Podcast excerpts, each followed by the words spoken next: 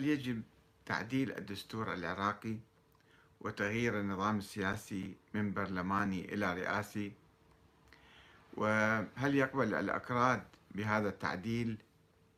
وهم لديهم تقريبا آه، يعني حكم ذاتي تقريبا أو أكثر من حكم ذاتي شبه إدارة يعني خاصة.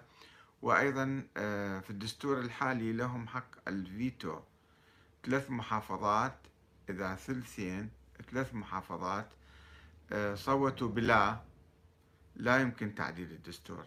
فكيف يمكن تجاوز هذه العقبة؟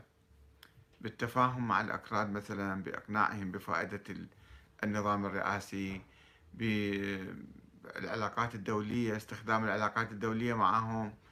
بأي طريقة ممكن مثلا التفاهم معهم في هذا المجال؟ بإقناع الجماهير الكردية الشعبية بأن النظام الرئاسي آه، يعطيهم أكثر ما يأخذ من عندهم. صحيح آه، ربما يقلص مساحة الإدارة الذاتية في كردستان ولكن آه، يسمح للكردي أن يكون رئيس العراق أن يرشح لرئاسة العراق. لا توجد فيتو كما هو الحال الآن أن رئيس الوزراء يعني الحاكم الأقوى بالعراق يجب أن يكون مثلا شيعيا.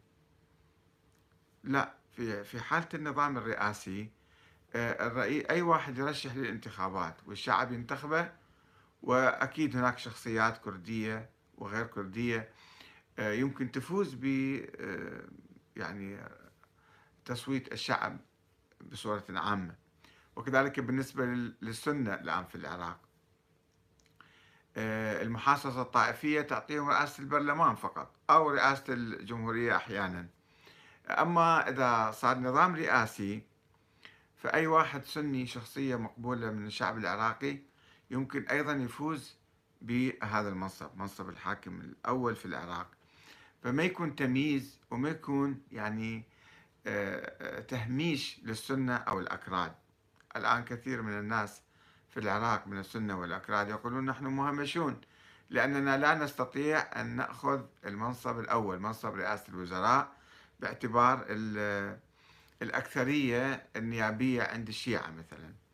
ولكن في الانتخابات الرئاسية لا يمكن يخترقون هذا الحاجز يخترقون المحاصصة الطائفية والرئيس السني أو الكردي أو المسيحي أو الصابئي أو أي واحد كان تركماني يمكن يفوز بالرئاسة كما فاز أوباما مثلا في أمريكا. هو أسود ومن أبوه مهاجر كان وأبوه كان مسلم ومع ذلك فاز في الرئاسة. فالانتخابات الرئاسية تسمح لأي واحد أن يطرح نفسه ويمكن يفوز. صحيح الأكثرية شيعية ولكن هذه التقسيمات الطائفية سوف تتهاوى في النظام الرأسمالي. لأنها بنيت في هذا النظام البرلماني. صار عندنا سنة وشيعة وكذا. ما كان سابقا العراقي يشعر كثيرا بهويته الطائفية. يعني وسوف تتقلص وتنهار هذه الحواجز. أه شوفوا أنتم الآن الثورة الموجودة في العراق الانتفاضة. هي انتفاضة على من الشيعة على حاكم شيعي بالدرجة الأولى.